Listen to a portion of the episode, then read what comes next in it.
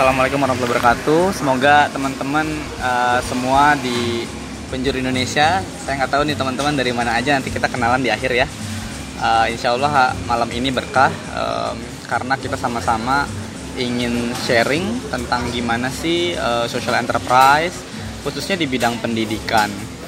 Uh, saya pribadi terima kasih untuk Impact Indonesia yang sudah uh, berkenan undang saya uh, di webinar ini sejujurnya ini adalah um, kali kedua ya isi webinar. Uh, saya senang banget kalau misalnya bisa isi sharing.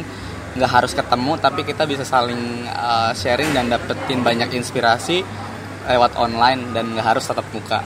Semoga ini bisa jadi um, perpanjang rezeki kita perpanjang silaturahmi kita walau di mana pun kita berada. Jadi kalau teman-teman nanti ketemu saya di tempatnya teman-teman uh, jangan sungkan untuk uh, untuk nyapa ataupun kita bisa kenalan lebih jauh lagi. Nah, untuk malam ini uh, perkenankan saya untuk sharing tentang education uh, social enterprise yang dilakukan oleh Isbanban. Um, kami di Isbanban Foundation sangat-sangat masih juga belajar bahwa membangun sebuah social enterprise itu memang bukan pekerjaan yang mudah, bukan pekerjaan yang simple, bukan juga pekerjaan yang sangat uh, dilakukan dalam jangka waktu pendek. Uh, maka dari itu um, para uh, teman-teman uh, tim di Isbanban Foundation ngerasa bahwa kita harus tetap perlu belajar, kita harus tetap perlu membuka diri dan wawasan, khususnya kita membuka diri kepada orang-orang yang juga uh, bisa memberikan banyak inspirasi buat kita. Salah satunya teman-teman uh, dari Impact Indonesia. Semoga nanti teman-teman juga bisa ikut sharing. Jadi kita bisa saling sharing dan saya juga bisa belajar. Nah mungkin langsung aja kenalan sedikit. Tadi juga udah dikenalkan sama uh, Mas Iwan. Terima kasih Mas Iwan sudah mengenalkan. Uh, saya Panji, teman-teman. Uh, nama lengkap sih Panji Aziz Pratama. 2013 lalu, tepatnya enam tahun lalu, saat saya semester 2 perkuliahan, zaman di mana masih eh, libur panjang tiga bulan peralihan semester 1 ke semester 2 uh, eh, saya nekat uh, untuk bikin komunitas sosial. Uh, saya dulu sebutnya social project karena ngelihat anak-anak di Banten sisi pendidikan uh, itu masih lemah. Khususnya di bidang literasi dan juga kesempatan belajar. Masih banyak anak-anak yang putus sekolah cuma cuma dengan alasan karena nggak punya biaya ekonomi yang cukup atau orang tuanya mendorong untuk uh, bekerja ataupun menikahi. Jadi hal-hal yang meresahkan itu ngebuat saya dan teman-teman tim relawan uh, Isban Ban Foundation dulu uh, berniat untuk membangun komunitas. Jadi ini tuh awalnya komunitas atau social project. Jadi bukan yayasan, bukan bukan gerakan besar, bukan. Ini semua dimulai dari hal-hal kecil saat 2013 lalu uh, saat saya masih usia sekitar 19 tahun um, saya ngerasa ya udah daripada saya cuma nikmatin liburan eh, jalan-jalan saya coba pengen bikin satu hal yang punya dampak buat masyarakat khususnya masyarakat di Banten. Lebih spesifik lagi untuk anak-anak di pelosok desa. Karena saya orang Banten lahir di Serang Banten dan saya ngelihat bahwa orang-orang Kabupaten Serang waktu itu masih kekurangan akses pendidikan maka dari itu taman baca yang pertama kami bangun atau proyek yang pertama kami bangun adalah sebuah taman baca di pelosok daerah Kabupaten Serang namanya pada Rincang kampungnya Sukamaju. Kita ngelakuin um, bakti sosial. Awalnya cuma karena ingin bantu banjir eh, lama-lama ketagihan untuk bantu yang lain. Jadi banjirnya udah selesai kita bantunya dengan cara uh, bikin taman baca lewat buku-buku. Um, seiring berjalannya waktu relawan yang kita mulai itu hanya lima orang bertambah jadi 10, 25 hingga 75 orang. Yang akhirnya ngebuat kita jadi semakin yakin kalau ini tuh bukan hanya sekedar project atau ini tuh bukan hanya sekedar komunitas. Isbandan bisa lahir dan besar karena kita yakin akan mimpi kita bahwa kita bisa bantu lebih banyak orang, lebih banyak anak, dan lebih banyak pendidikan yang semakin baik di pelosok-pelosok daerah Banten. Maka dari itu berawal dari taman baca yang ada di, di kampung Sukamaju, um, kami langsung um, mendorong gimana caranya taman baca ini nggak cuma hanya tersebar di uh, ya cuma hanya ada di satu satu kampung aja kami pengen taman baca itu ada di kampung-kampung di seluruh Banten yang mengalami uh, fase butuh akan pendampingan uh, pendidikan khususnya uh, tingkat pendidikan yang sangat rendah atau tingkat kesadaran orang tua ada akan pendidikan itu rendah. Jadi uh, kebetulan waktu kuliah dulu sempat dapat fellowship di uh, Northern Illinois University uh, selama lima minggu belajar tentang gimana ngelola sebuah manajemen non-profit organisa uh, organization semacam NGO. Jadi sepulang dari sana, um, saya coba terapkan di Indonesia supaya Isbanban nggak hanya sekedar project tapi bisa bertransformasi menjadi sebuah yayasan atau uh, NGO 2016 kita punya badan hukum uh, eh, NGO atau yayasan uh, di, uh, di di di hari itu pun kita ngerasa bahwa kita harus bisa lebih profesional untuk mengelola sebuah proyek yang jadi yayasan. Nah, berawal dari Isbanban, uh, passion dan juga ketertarikan saya terhadap dunia sosial dan pendidikan semakin semakin tajam semakin yakin bahwa ini adalah jalan hidup yang harus dijalani dan semua ini akan berawal dari sini dan saya ingin um, mengabdikan diri dan uh, keterampilan serta kemampuan yang saya punya untuk anak-anak yang ada di pelosok-pelosok daerah di Banten lewat Isbanban Foundation. Nah, akhirnya Isbanban terbentuklah sampai hari ini um, kita dikatakan sebagai youth led non-profit organization atau yayasan atau NGO yang digerakkan oleh anak-anak muda di Provinsi Banten yang fokusnya untuk membantu uh, anak-anak di pelosok-pelosok daerah dan menguatkan akses pendidikan serta um, akses peningkatan uh, awareness ter, uh, awareness terhadap pendidikan di pelosok daerah kenapa kita juga fokus terhadap uh, terhadap kesadaran tentang pendidikan di pelosok daerah karena uh, sejatinya di Banten masih sangat rendah tingkat um, tingkat kesadaran orang tua untuk mendorong anak-anaknya um, dalam melanjutkan pendidikan. Rata-rata di Banten pendidikan hanya sampai uh, di batas usia um, sekitar SMP. Jadi uh, angka partisipasi sekolah di Banten sangat-sangat rendah yang mengakibatkan kita menjadi semakin uh, greget buat buat ngelakuin apa yang kita lakuin yaitu uh, di tiga misi utama Isbanban. Yang pertama kita pengen berikan atau bahkan um, membuat akses pendidikan lebih baik dan berkualitas di, di pelosok-pelosok daerah provinsi Banten. Uh, uh, kita semua tim relawan Isbanban tahu bahwa di Banten khususnya di pelosok daerah akses terhadap pendidikan itu sangat sulit. Contoh yang paling simpel adalah akses transportasi dari rumah anak ke sekolah terdekat itu bisa sampai 5-10 km dengan uh, transportasi jalan kaki itu bagus-bagus kalau ada motor yang bisa ditumpangi atau enggak angkot yang bisa dinaikin paling-paling anak-anak berangkat harus subuh banget dan pulang harus sore banget cuma karena akses transportasi yang jauh. Um, akses yang kedua adalah akses terhadap buku bacaan. Anak-anak di daerah Banten, khususnya di daerah pelosok, mereka nggak punya akses terhadap buku bacaan karena nggak punya namanya perpustakaan. Maka dari itu perpustakaan mini atau library kita buat namanya learning center di sebuah desa-desa pelosok daerah Banten yang hari ini sudah ada tujuh learning center untuk membantu anak-anak meningkatkan akses uh, terhadap eh, buku-buku uh, dan juga harapannya bisa meningkatkan akses literasi anak-anak di pelosok daerah. Yang kedua, kita fokus terhadap angka partisipasi sekolah. Yang kita tahu di Banten angka partisipasi sekolahnya cukup rendah yang mana hanya rata-rata SMP uh, lulusan di Banten khususnya Banten Selatan daerah Lebak dan Paneglang yang sangat mengkhawatirkan. Maka dari itu kita pengen uh, mendorong angka partisipasi sekolah. Harapannya bisa sampai sekolah SMA sederajat ataupun kita bisa dorong hingga uh, tingkat perkuliahan. Harapannya lagi ketika mereka mendapatkan ilmu yang lebih tinggi mereka bisa kembali ke desanya dan membangun desanya lagi. Dan yang ketiga kami berfokus sama uh, dukungan stabilitas ekonomi keluarga si anak-anak ini.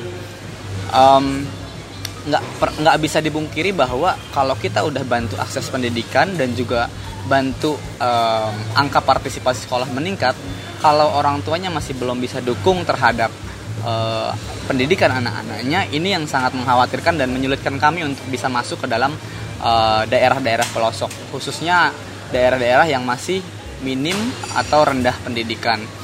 Maka dari itu fokus kami adalah kami mendukung stabilitas ekonomi keluarga supaya ketika mereka stabil, eh, anak-anak ini bisa juga terdorong supaya bisa sekolah melanjutkan hingga ke perguruan tinggi harapan kami.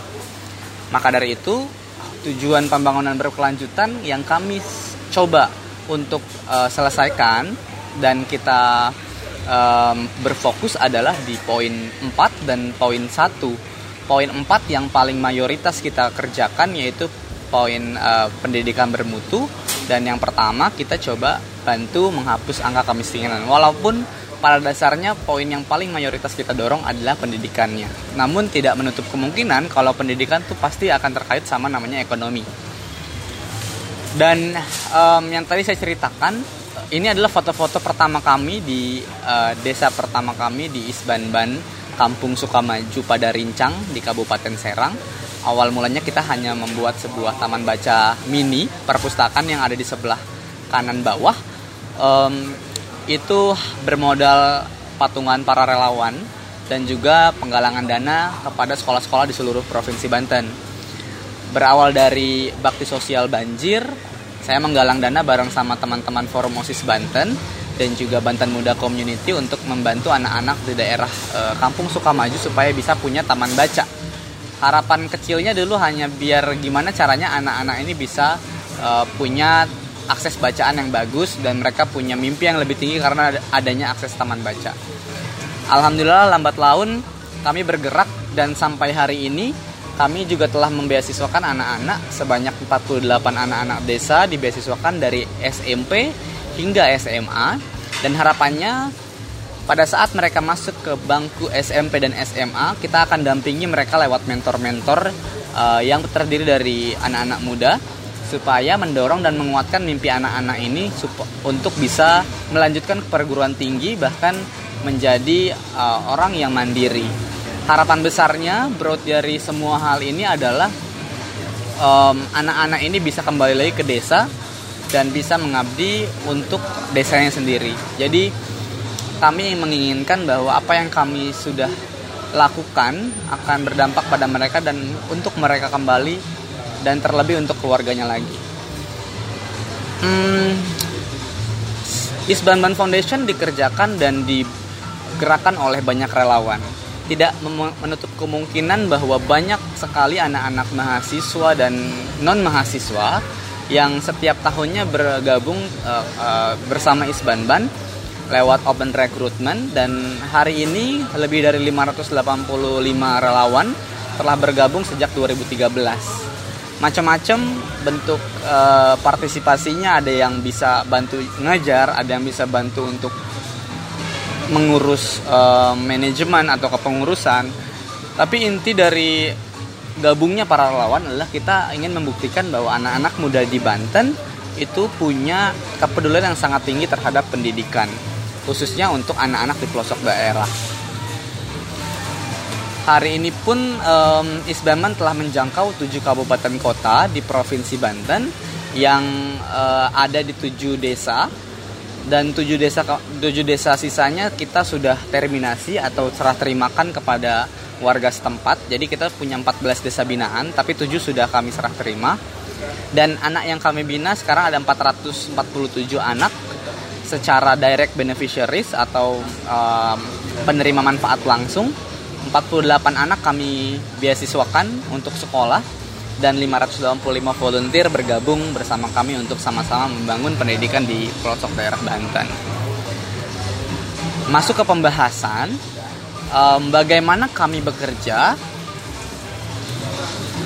Isbanban gunakan uh, um, sebelum kami masuk kepada social enterprise Isbanban ini berawal dari sebuah social project di 2013 berlanjut menjadi uh, non profit atau yayasan di 2016 dan sejak 2018 kami sudah berpikir bahwa transformasi secara perlahan untuk menjadi social enterprise itu sangat penting.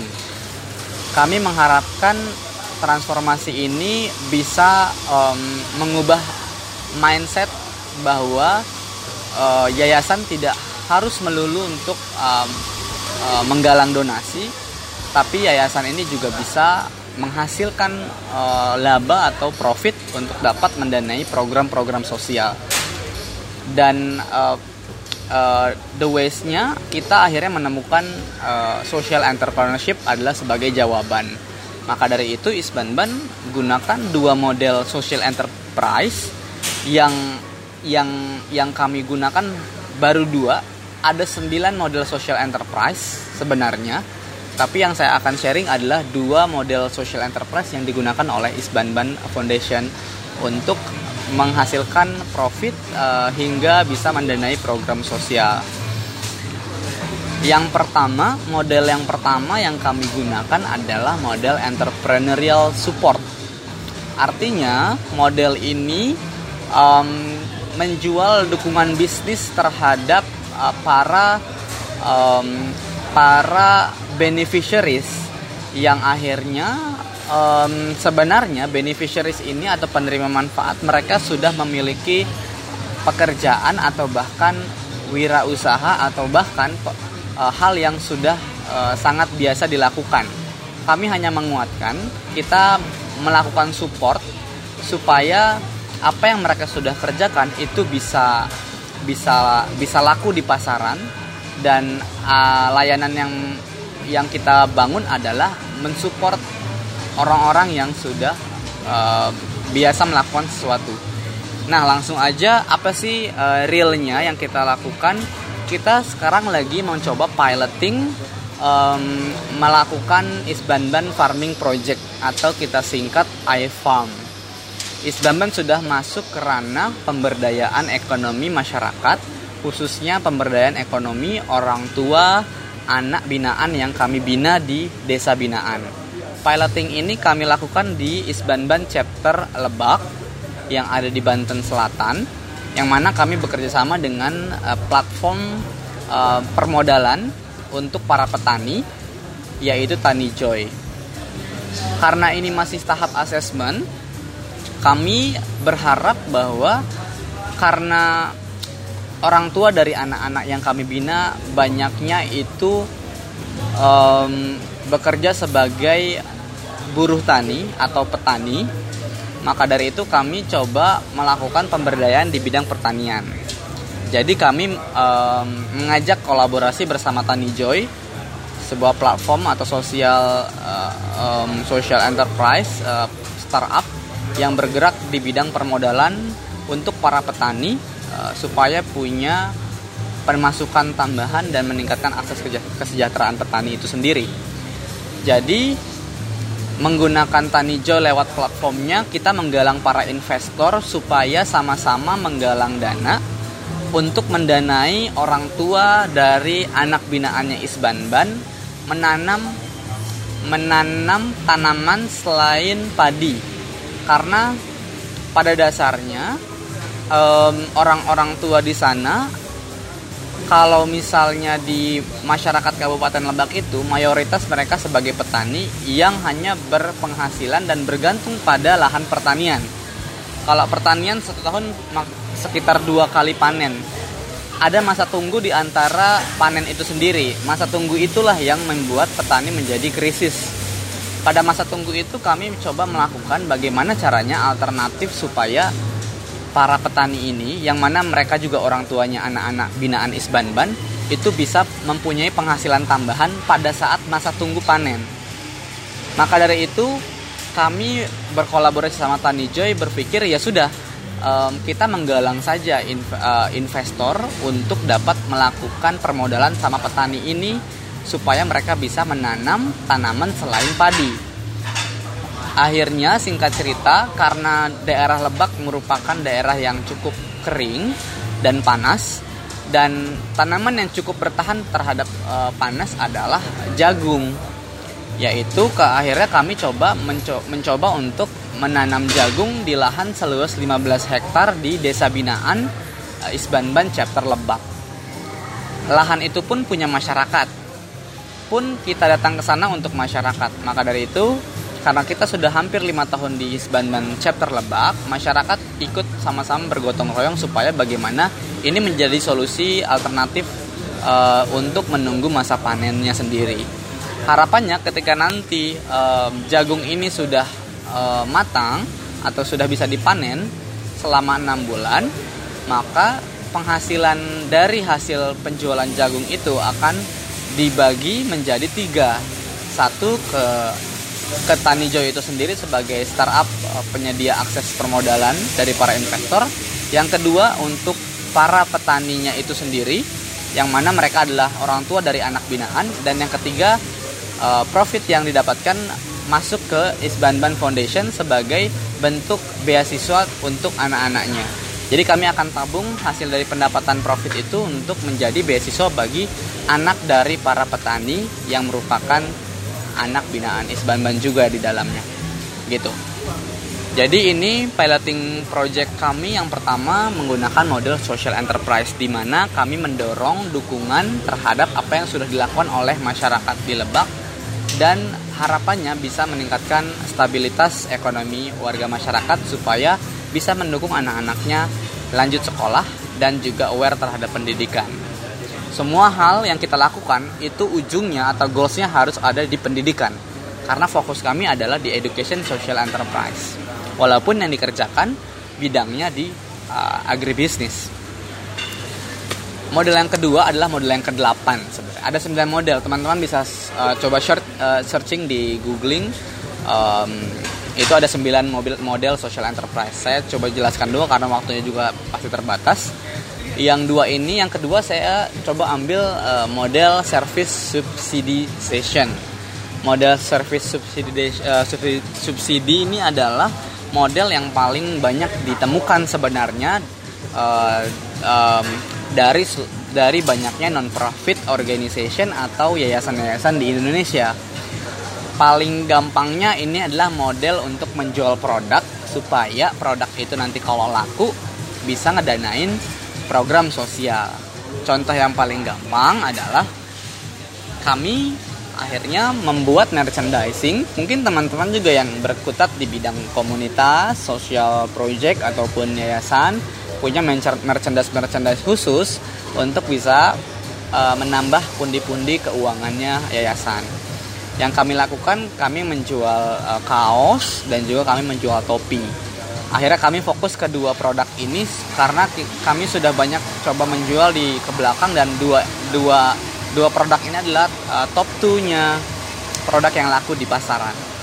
Gitu. Jadi ketika mereka beli kaos atau beli topi itu sama saja sama saja sudah membantu um, pendidikan anak-anak di pelosok daerah Banten yang dibina oleh Isbanman yang kedua yang kami lakukan adalah Care Institute Speakers Hub. Jadi kami mem, kami membuat platform uh, penyedia jasa pembicara profesional di Indonesia supaya bisa menyambungkan antara kebutuhan mahasiswa kampus atau government yang lagi butuh acara talk show atau seminar atau bahkan korporasi yang sedang mengadakan acara workshop yang mencari para pembicara profesional di bidangnya. Itu bisa menghubungi kami lewat Care Institute Speakers Hub yang mana kami akan menghubungkan dan mencarikan pembicara-pembicara yang relevan dan profesional untuk dapat mengisi acara di acara masing-masing uh, para para klien atau pendaftar atau yang menghubungi para customer. Jadi ini semacam uh, mini startupnya Isbanban Foundation supaya kami bisa menggalang dana melewati cara-cara uh, seperti ini hal yang kami lakukan dari sini adalah kami mengam, uh, kami menggunakan sharing profit antara antara pembicara dan juga uh, is, uh, Care Institute. Care Institute mengambil uh, 20% fee pembicara untuk dapat masuk ke dalam operasional Care Institute dan juga sebagai donasi sumbangan untuk Isbanban Foundation sisa 80%-nya diberikan kepada uh, speakers itu sendiri untuk bisa dapat uh, menjadi operasional uh, fee dari speaker tersebut. Jadi yang kami lakukan kami menyambungkan dan hasil dari profit itu kami gunakan untuk mendanai program-program isban ban lagi. Jadi ini cara kedua kami untuk uh, menggalang sebuah uh, dana melalui social enterprise. Lalu bagaimana cara pendekatan yang kami lakukan? Cara pendekatan program yang kami lakukan uh, sebenarnya ada dua. Yang pertama, kami melakukan pendekatan kepada anak-anaknya di uh, cycle. Kami ada dua cycles. Uh, ada dua ada dua hal yang kami lakukan dua pendekatan yang kami lakukan, pendekatan kepada anak-anak dan pendekatan kepada masyarakat atau orang tuanya. Pendekatan kepada anak-anak biasanya kami lakukan di desa binaan rentang waktunya 1 sampai 3 tahun, tergantung dari seberapa engage anak-anak terhadap program yang kami lakukan. Yang pertama kami coba dulu lakukan rekrutmen dan volunteer training untuk melatih para relawan muda di Banten yang mau bergabung sebagai relawan selama satu tahun mengabdi untuk anak-anak di daerah pelosok uh, untuk dapat mengajar dan juga hadir di setiap hari Minggu. Lalu kita bangun sebuah taman baca ada di sebelah kanan atas itu setiap tahunnya kami selalu um, jika ada peresmian taman baca baru kami akan akan melakukan peresmian taman baca baru. Tapi taman baca ini sebenarnya hanya kunci di mana kami masuk uh, kepada anak-anak dan juga masyarakat di desa binaan. Jadi kalau kami mau kalau kami mau membuka desa binaan baru, simbol yang pertama atau hal yang kami lakukan adalah membuka taman baca untuk bisa uh, mengajak adik-adik kita bisa belajar di learning center yang kami bangun. Juga bisa mendorong tingkat partisipasi warga masyarakat supaya ngebantu anak-anaknya juga bisa sekolah atau belajar di setiap hari minggu di Isbanban. Dan kita yang ketiga ada pengajaran mingguan. Uh, setiap hari minggu kita ngajar mengirimkan para relawan-relawan muda yang sudah dilatih untuk dapat mengajar buat anak-anak. Ngajarnya macam-macam dari mulai eh, non formal sampai kita melakukan bimbel terhadap anak-anak yang mau melakukan ujian. Yang terakhir kita berikan beasiswa lanjut sekolah Isbamban Dream Scholarship untuk mendorong misi yang kedua yaitu peningkatan akses pendidikan di pelosok Banten. Nah ini pendekatan yang pertama untuk anak-anak. Jadi kalau anak-anak udah anak-anak udah deket, anak-anak udah nyaman sama kita, baru kita lakukan namanya uh, social investment. Nah, model ini adalah model of change-nya Isbanban Foundation di mana Isbanban Foundation setelah melakukan pendekatan terhadap anak dan kita juga melakukan pendekatan terhadap orang tua melalui community uh, empowerment seperti tadi di proyeknya iFarm Isbanban uh, Farming Project uh, kami merasa bahwa engagement antara Isbanban dengan masyarakat akan mempengaruhi bagaimana masyarakat mendorong anak-anaknya masing-masing untuk mencapai pendidikan yang lebih tinggi. Harapan kami di social investment ini adalah ketika kami menginvestasikan sebuah SDM yaitu para relawan di pelosok-pelosok daerah Banten, kami berharap bahwa akan ada akses dan juga uh, peningkatan wawasan pengetahuan anak-anak di pelosok Banten untuk bisa dapetin pendidikan yang lebih baik. Ketika pendidikannya lebih baik, maka nanti pekerjaannya pun akan semakin baik. Entah jadi entrepreneur, entah jadi pekerja di sebuah uh, lembaga atau perusahaan, minimal lebih baik. Yang tadinya anak-anaknya enabling educationnya hanya SMP, tapi karena adanya kita harapannya mereka minimal bisa SMA, bahkan harapannya bisa sampai kuliah. Yang pada akhirnya ketika mereka menjadi working graduates yang yang bermutu maka anak-anak ini akan menjadi independent people yang yang mendorong anak-anak menjadi mandiri dan juga tidak bergantung pada orang tuanya lagi. Ini siklusnya akan berputar terus sampai nanti anak cucunya mereka. Jadi, ketika kita memberikan satu kebaikan terhadap satu anak, maka kebaikan itu akan menular terhadap teman-teman lainnya atau terhadap generasi mereka ke depan. Ini adalah social investment yang kami lakukan dan kami lakukan sudah enam tahun dan masih harus terus belajar untuk melakukan uh, model yang lebih uh, baik lagi. Apresiasi atas kinerja yang kita lakukan uh, selama enam tahun, alhamdulillah di beberapa tahun ke belakang dari 2015 ke 19 kami mendapatkan beberapa penghargaan dari mulai Best Social Project saat Isbanman menjadi Social Project lalu mendapatkan fellowship di Amerika Serikat 2015 menjadi pemenang di Nutrifood Leadership Award 2015 masuk ke dalam satu dari 60 Global Changemaker di dunia tahun 2016 di Switzerland dan akhirnya bisa masuk ke Kick Andy untuk diundang bercerita tentang Isbanban Foundation. Lalu 2019 lalu di awal tahun baru mendapatkan um, inspiring alumni dari dari uh, Indonesia Student and Youth Forum hal-hal ini yang kami gunakan uh, bukan sebagai sebuah pencapaian tapi ini adalah membuktikan bahwa apa yang kita kerjakan bisa diapresiasi sama orang lain dan kami berprinsip bahwa penghargaan seperti ini ini harusnya yang menguatkan bahwa ternyata orang-orang lain juga mendukung apa yang kami lakukan. Jadi harapannya kami harusnya lebih baik lagi. Dan beberapa media juga pernah meliput kami dari mulai Kick Andy, Trans 7, SCTV, Net Kompas TV, dan Metro TV dan teman-teman kalau mau lihat lebih lengkapnya tentang apa Isbamban itu dan bagaimana Isbamban uh, uh, melakukan pengabdiannya di daerah bisa nonton di beberapa uh, stasiun TV ini melalui YouTube. Mungkin itu aja untuk sharingnya. Kita akan banyak lebih tanya jawab supaya lebih seru. Um, connect di Instagram Panji Aziz atau di Isbanban Foundation. Instagramnya juga bisa. Bisa di email juga di panjiaziz@isbanban.org atau di WhatsApp 0899 Terima kasih teman-teman. Wassalamualaikum warahmatullahi wabarakatuh.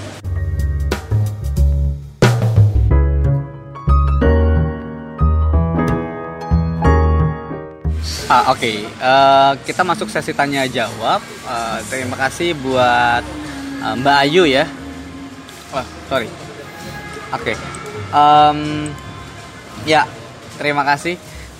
Uh, pertama-tama saya coba akan jawab di sesi tanya jawabnya buat Mbak Ayu ya. Uh, Mbak Ayu Rahayu, uh, saya bacain, bacain lagi bagaimana sih kakak caranya ketika social project kita ditolak masyarakat?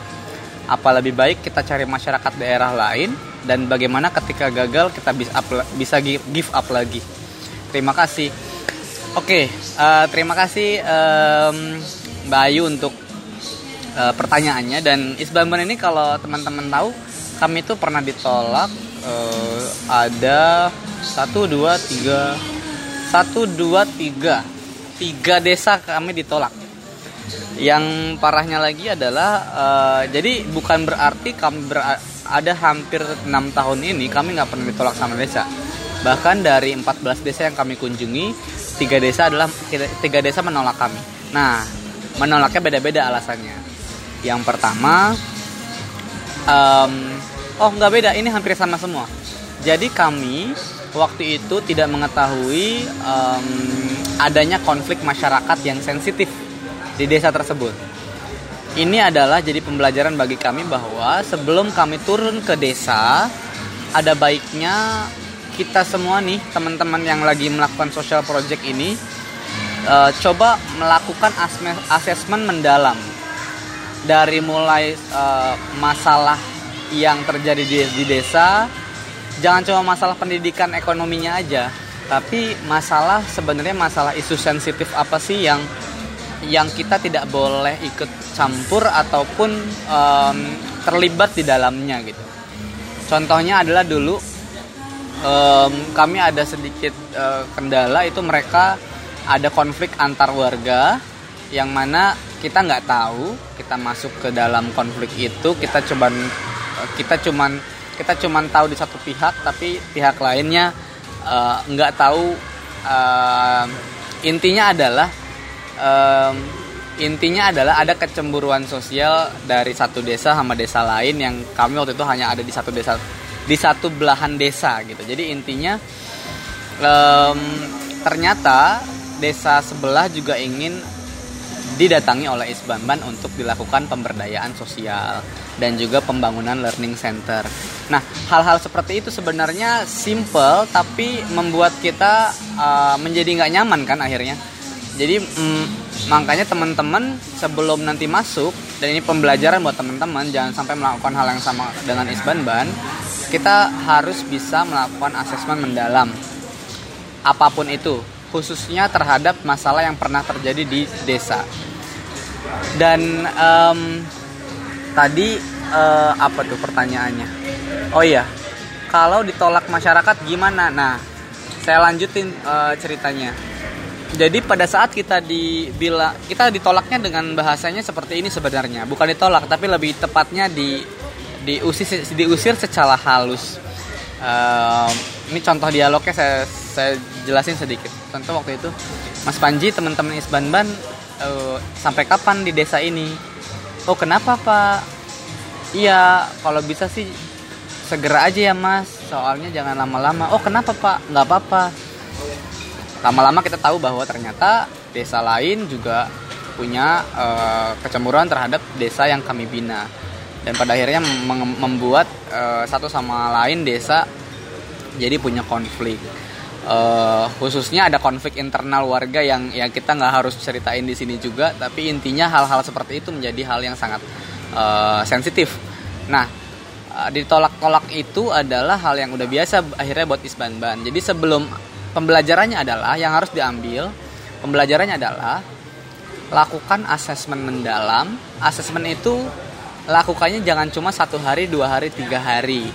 Butuh beberapa minggu atau bahkan bulan untuk melihat lebih dalam uh, tentang kebiasaan kebiasaan masyarakat pola budaya mas, uh, pola hidup masyarakat budaya yang dianut oleh masyarakat lalu bagaimana perlakuan masyarakat terhadap orang baru itu juga penting.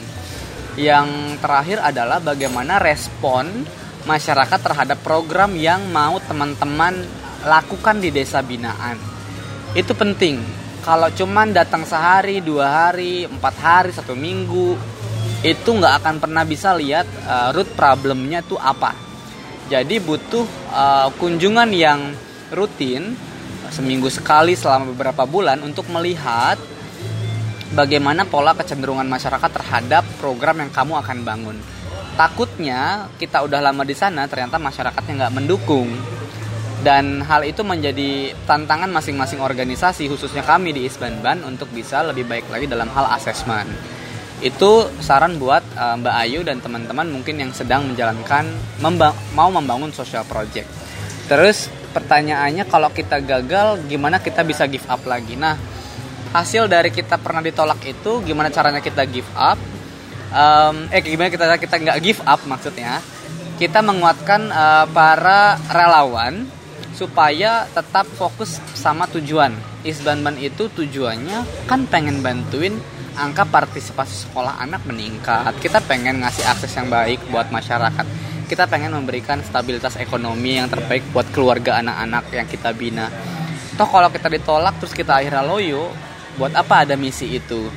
Jadi paling kuat adalah bagaimana kita menguatkan tim khususnya relawan yang turun ke lapangan. Terkadang eh, relawan pun butuh dikuatkan. Maka dari itu peran para leader seperti teman-teman yang mungkin jadi leadernya social project itu penting untuk bisa menguatkan hati dan juga semangat para relawan. Eh, hal-hal itu jadi hal yang sangat uh, saya tekankan karena masalah utama sebuah organisasi sosial itu biasanya ada tiga hal. Satu di sumber daya manusia atau dalam kurung volunteers yang kedua masalahnya di program yang kurang inovatif dan tidak menyesuaikan dengan uh, pasar yang lagi uh, uh, in sekarang. Contohnya misalnya pakai cara konvensional aja kita nggak mau bikin program yang lebih menarik lagi. Akhirnya programnya mati dan kita nggak eh, nggak uh, ditertarikin lagi sama orang lain. Contoh-contoh kayak gitu. Yang ketiga adalah tentang pendanaan. Ini penting. Makanya lahirlah social enterprise.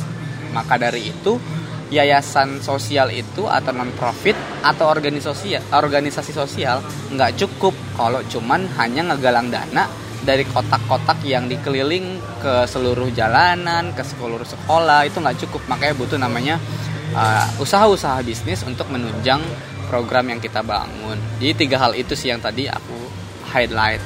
Itu jawaban untuk Mbak Ayu. Terima kasih.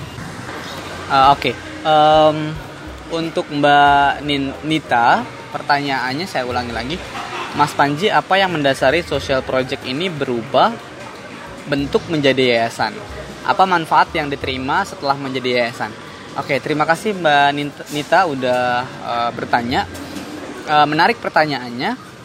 Uh, mengingatkan saya sama uh, tahun 2015 saat Isbanban masih jadi social project ngeliat keuangan atau kondisi keuangan Isbanban begitu sangat kritis kita ngeliat bahwa waktu itu kita cuma galang dana secara konvensional aja nih mbak. Um, kita galang dana pakai kotak kotak galang dana kita sebar ke seluruh sekolahan uh, ke mana lagi ya kita coba WhatsAppin. Dulu belum ada WhatsApp dulu masih ada Facebook. Kita coba nge DM eh, message Facebook ke teman-teman yang kira-kiranya mau bantu dapat 10 ribu dapat 50 ribu dapat 20 ribu itu udah syukur banget tapi kalau begitu aja dulu pikiran saya sama teman-teman adalah kalau kita begitu aja kita nggak akan pernah berubah dan kita nggak akan pernah uh, maju sebagai organisasi. Maka dari itu satu yang kepikiran adalah kita harus bisa lebih profesional. Jadi social project aja nggak cukup untuk membuktikan seberapa seriusnya kita sama program yang mau kita bangun dan kita uh, kita lakukan untuk buk untuk buktikan bahwa kita bisa beri dampak buat anak-anak di pelosok daerah Banten. Akhirnya singkat cerita karena kita ngerasa bahwa kritisisasi ya kritisnya uh, keuangannya social project kita kita ngerasa ya udah bikin aja yuk yayasan gitu sekalian kita bikin yayasan. Terus sempet kepikiran aduh batas usia pendiri yayasan itu ada batasannya nggak ya gitu. Ternyata ya hanya yang penting punya KTP artinya kalau udah punya KTP teman-teman semua itu bisa mengajukan untuk mendirikan yayasan. Gitu. Jadi waktu itu alhamdulillah udah usia 2015 tuh usia sekitar um, 20 tahun saya ajukan yayasan uh, ke notaris-notaris tapi nggak segampang itu Mbak Nita dan teman-teman. Jadi uh, Isbaman itu sempat ditolak sekitar dua notaris karena ngeliat yang ngeliat yang ngajuin pengajuan yayasan tuh masih anak muda.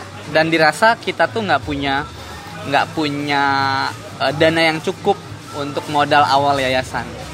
Terus kita dirasa masih kita kita dirasa mereka masih kelihatan kayak uh, bocah yang nggak ngerti apa-apa sama yayasan terus sok-sokannya gitu untuk ngajuin jadi yayasan. Jadi kita sempat diremehkan sebenarnya uh, terhadap ke, uh, keinginan kita untuk menjadikan menjadi yayasan. Tapi kita nggak berhenti begitu aja walaupun waktu itu prosesnya kita hampir setahun untuk ngurusin persiapan pembentukan yayasan. Jadi setahun itu kita fokus gimana caranya kita bikin anggaran dasar dan anggaran rumah tangga lalu kita bikin namanya proses kepengurusan yang kuat kita cari pembina yang bisa ngebina kita cari pengawas yang bisa ngawas kita bentuk dewan pembina kita bentuk dewan pengawas kita bentuk dewan pengurus macam-macam karena persyaratan yayasan cukup banyak.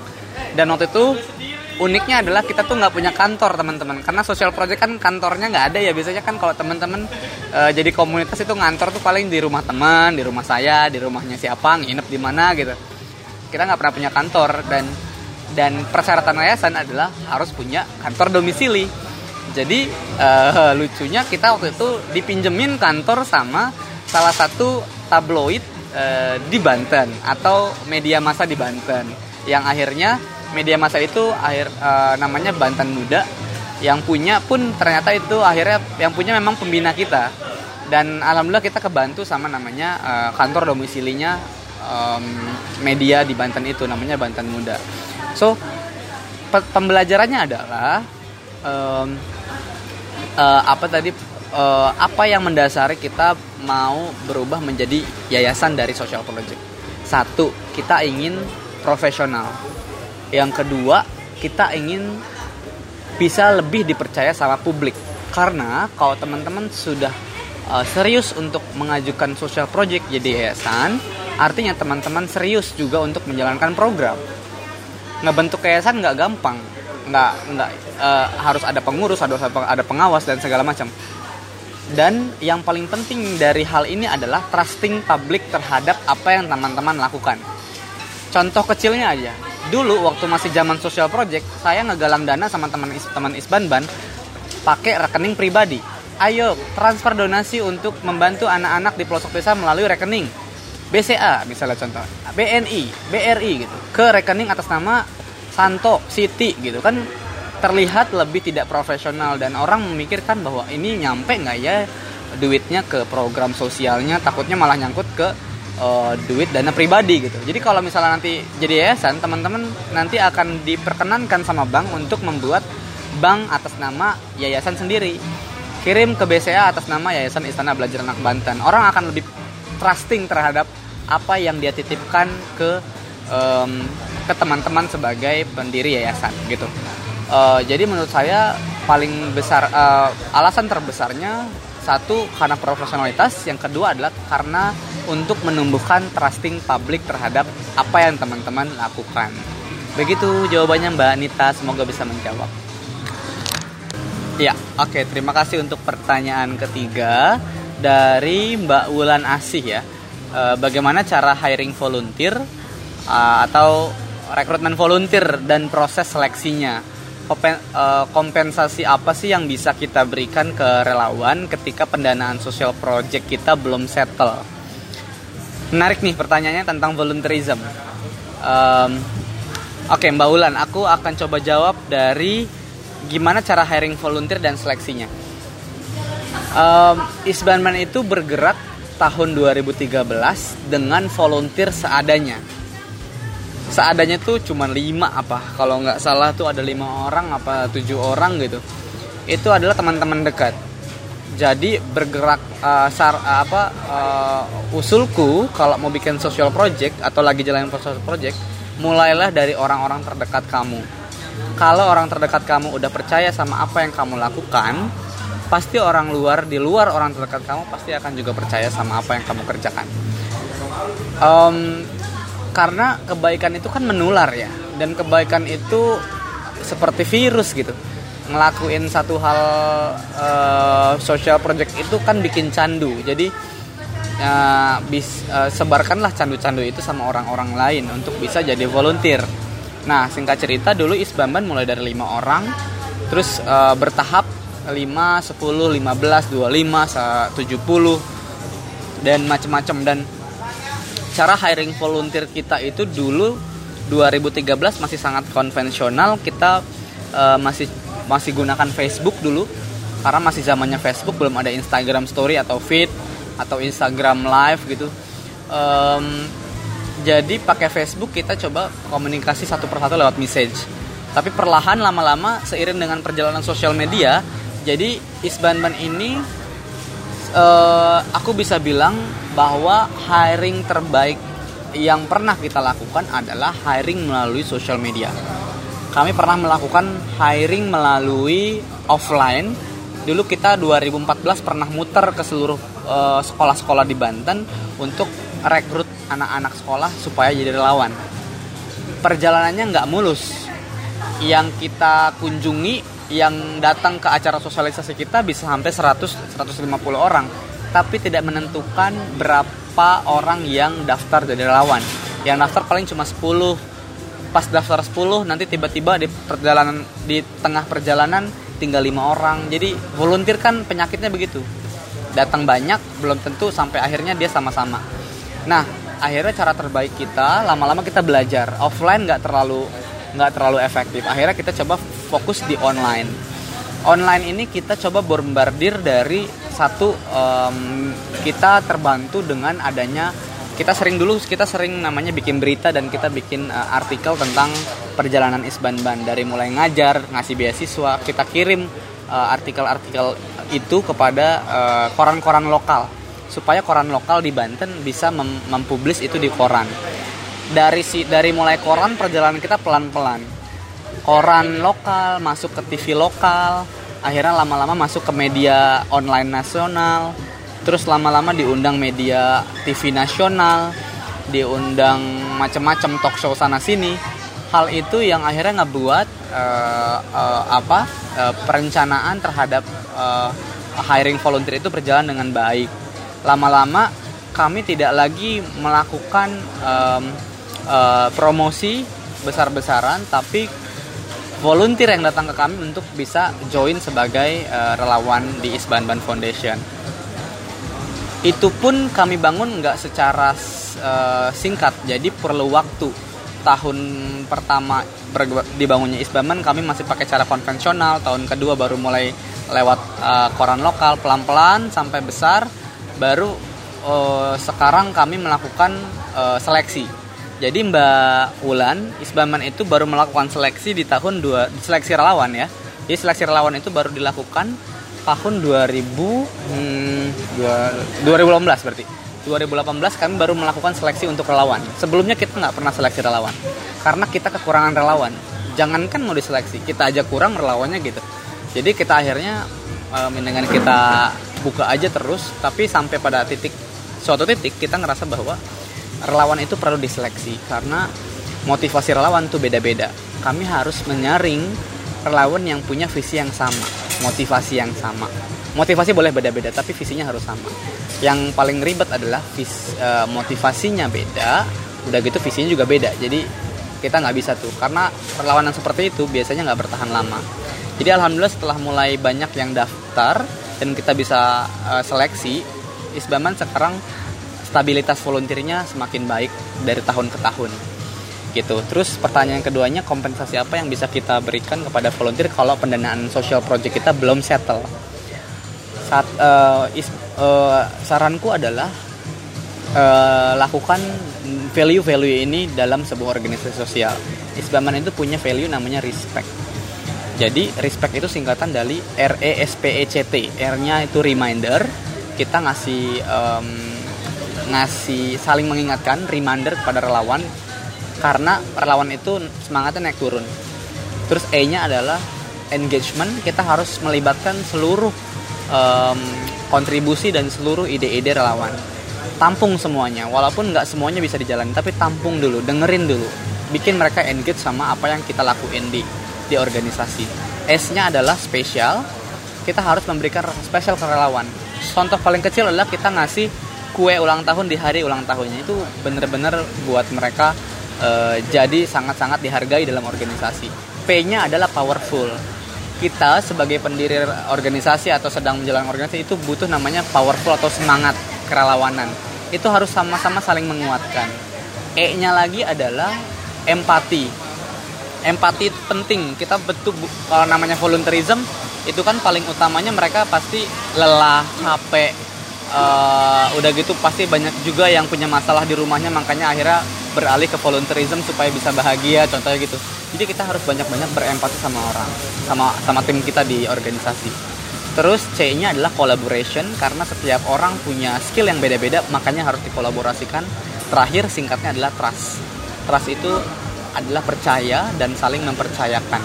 Trust itu akan membungkus semua volunteer uh, untuk bertahan di organisasi nah itu satu. Yang aku kasih tipsnya adalah bikin value seperti itu. Yang kedua adalah bikin kalau aku di Isbanban itu kasih edit value selain dia harus jadi relawan.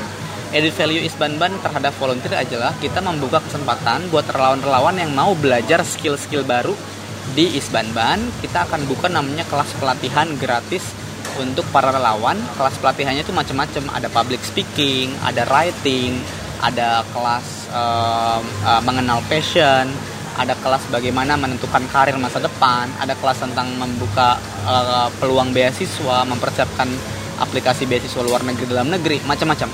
Itu yang akan menarik teman-teman relawan untuk tetap bertahan dan punya nilai-nilai baru selain harus jadi relawan aja. Jadi bikin volunteerism asik itu banyak caranya.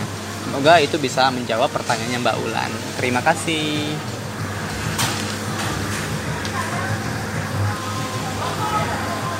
Uh, baik untuk pertanyaan keempat ya uh, tentang pertama-tama bikin social project, apakah ada dukungan pemerintah dan bagaimana respon pemerintah seperti itu ya? Oke, okay. ini dari uh, siapa? Kayaknya nggak ada di chat ya. Oke, okay, saya langsung jawab. Oke, okay, sip, langsung saya jawab aja. Hmm, sejujurnya Isbaman itu dulu pertama kali mengajuk uh, mendirikan Isbaman Foundation itu kita sempat membuat uh, proposal untuk advokasi uh, dengan pemerintah daerah setempat, artinya pemerintah provinsi Banten. Tapi hasilnya tidak memuaskan karena proposal kami waktu itu tidak sama sekali direspon.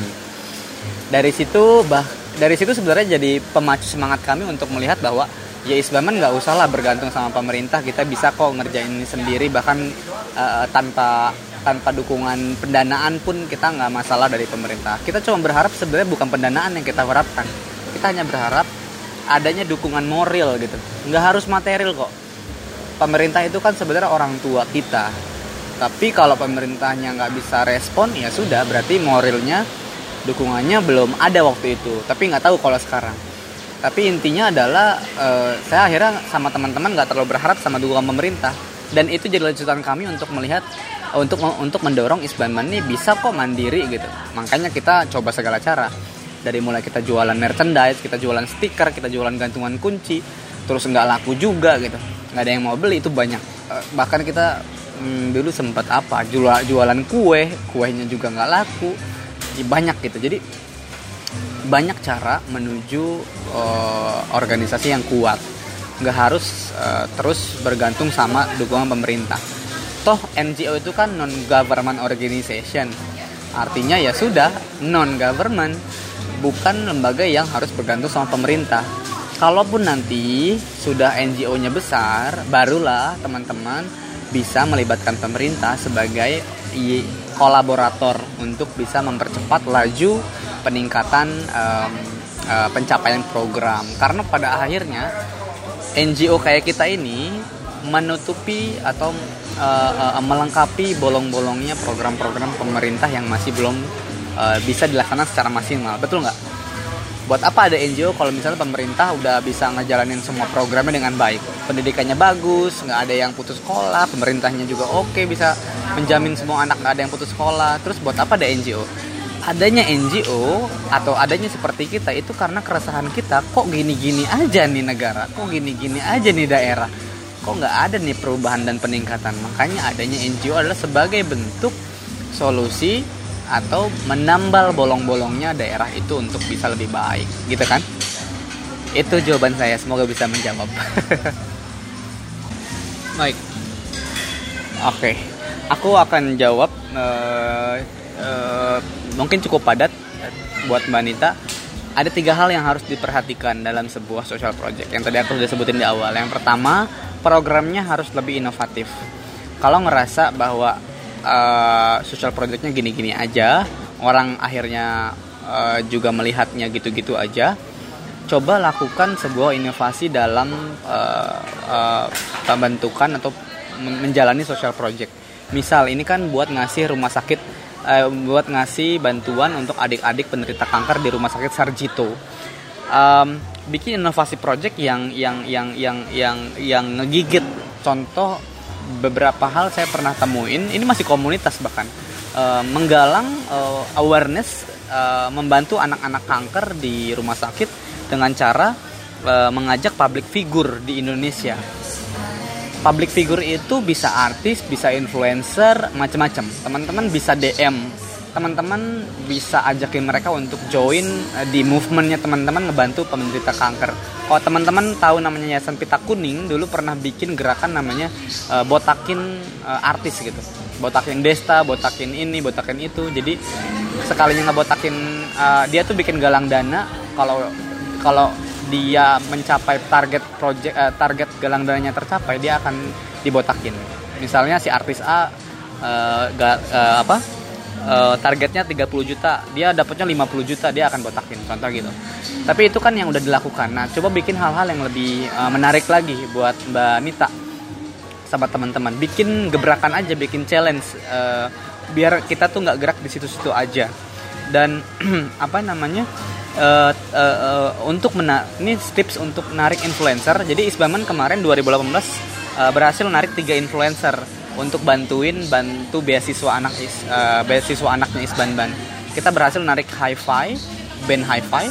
Kita narik GAC, uh, eh, kita narik juga waktu itu Ivi Alisa. Um, nah tiga tiga artis itu ngegalang dana supaya bantuin anak-anak uh, di pelosok Banten untuk bisa sekolah lagi.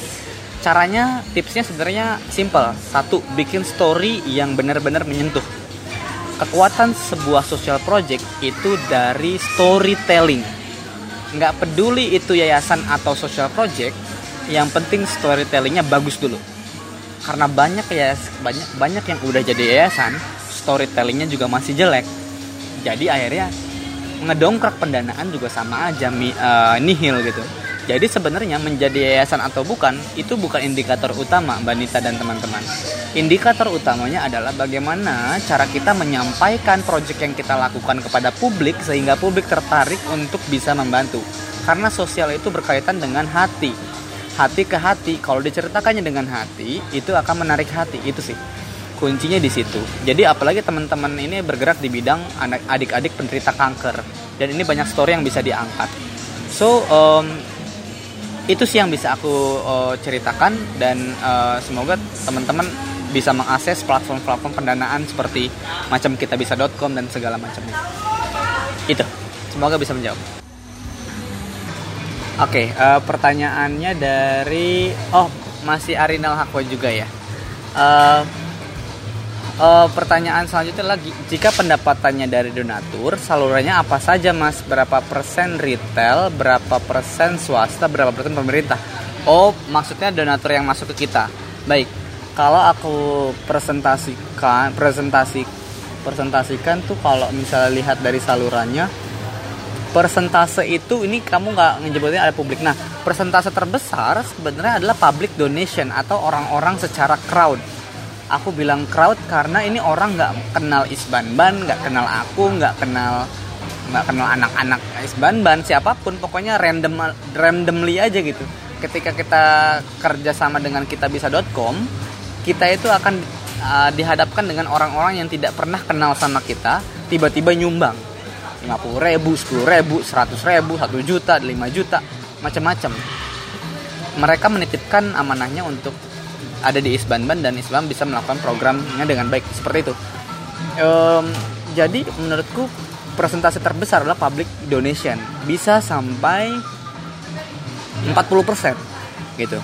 Terus uh, yang persentase kedua adalah ya tadi uh, uh, individual filantropis. Itu orang-orang yang mengenal kita men yang memutuskan menjadi donatur tetap. Jadi kalau udah jadi yayasan uh, coba cari orang yang kenal sama yang yang kenal sama kita untuk diajak jadi donatur tetap. Pasti mereka mau. Rata-rata mau lah minimal 50 ribu satu bulan tapi kalau ada 100 orang dalam satu bulan 50 ribu kan 5 juta satu bulan. Kayak gitu. Triknya adalah nggak usah terlalu berfokus sama berapa orang berapa uh, terlalu fokus sama berapa besar yang di yang disumbangkan dalam sama satu orang tapi berapa banyak orang yang menyumbangkan dalam hal-hal kecil gitu. Kalau banyak orang yang nyumbang tapi hal, uh, nyumbangnya cuma 50 ribu tapi ada 1000 orang ya berapa juta tuh? 50 juta dalam satu bulan gitu kan so banyak hal yang bisa dikerjain sama teman-teman. Persentase yang lainnya adalah uh, bisnis unit ya itu tadi. Kita ngerjain 30% sisanya adalah dari bisnis unit uh, pendapatannya Isban Bank Foundation. Tapi harapannya semoga semua bisa semakin meningkat. Karena seiring dengan sehatnya finansial organisasi juga seiring um, berjalannya program-program bisa dikerjain. Itu pasti akan ngaruh kok. Tiga hal itu tadi nggak akan ke mana-mana. Finansialnya sehat pasti akan ngaruh sama program. Programnya sehat juga akan uh, berpengaruh sama SDM-nya gitu. SDM program finansial tiga itulah yang jadi uh, kunci utama sebuah organisasi gitu. Semoga bisa menjawab yang Arino Hako sampaikan. Oke, okay, teman-teman uh, peserta Impact Indonesia yang ada di seluruh penjuru Indonesia, terima kasih sudah uh, ikut dalam webinar kelas ini, satu hal yang saya mau sampaikan adalah uh, kalau kita sudah melakukan suatu hal di awal, apalagi hal itu adalah sebuah kebaikan yang teman-teman terjemahkan dalam sebuah social project, pertanyaan banyak datang ke saya adalah gimana caranya membuat social project bisa bertahan. Satu-satunya jawaban adalah dijalankan dengan penuh istiqomah. Istiqomah itu panjang, artinya segala uh, tantangan besar itu akan dijalankan ketika teman-teman menjalankannya dengan penuh kenikmatan proses.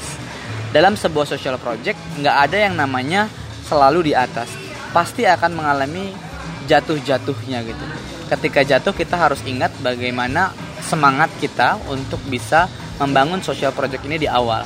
Jadi kembalikan lagi ke niat bahwa apa yang kita kerjakan di awal harus diselesaikan untuk bisa mendapatkan sebuah pencapaian yang kita impikan So buat teman-teman penggerak sosial di seluruh Indonesia, teruslah belajar, teruslah berproses karena kita semua sama-sama sedang bekerja untuk membantu orang lain di seluruh Indonesia. Terima kasih teman-teman.